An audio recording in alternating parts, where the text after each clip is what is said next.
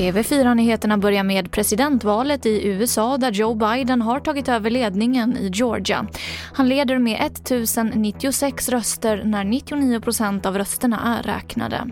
Andreas Utterström är USA-expert och han säger så här.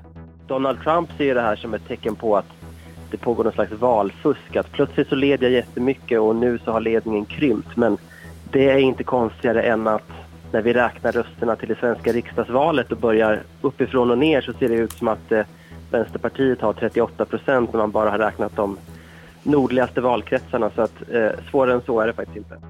Polismyndigheten har beslutat att inleda en nationell särskild händelse.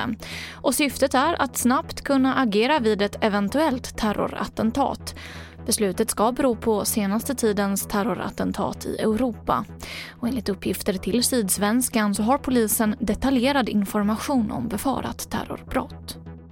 Och under veckan har Stockholmspolisen fått in flera anmälningar om försäljning av livsfarlig sprit. Minst fyra ungdomar har blivit allvarligt sjuka med både synrubbningar, kramper och andningssvårigheter. Och spriten har sålts på Instagram och på Snapchat. Och det var det senaste från TV4 Nyheterna. Jag heter Emily Olsson.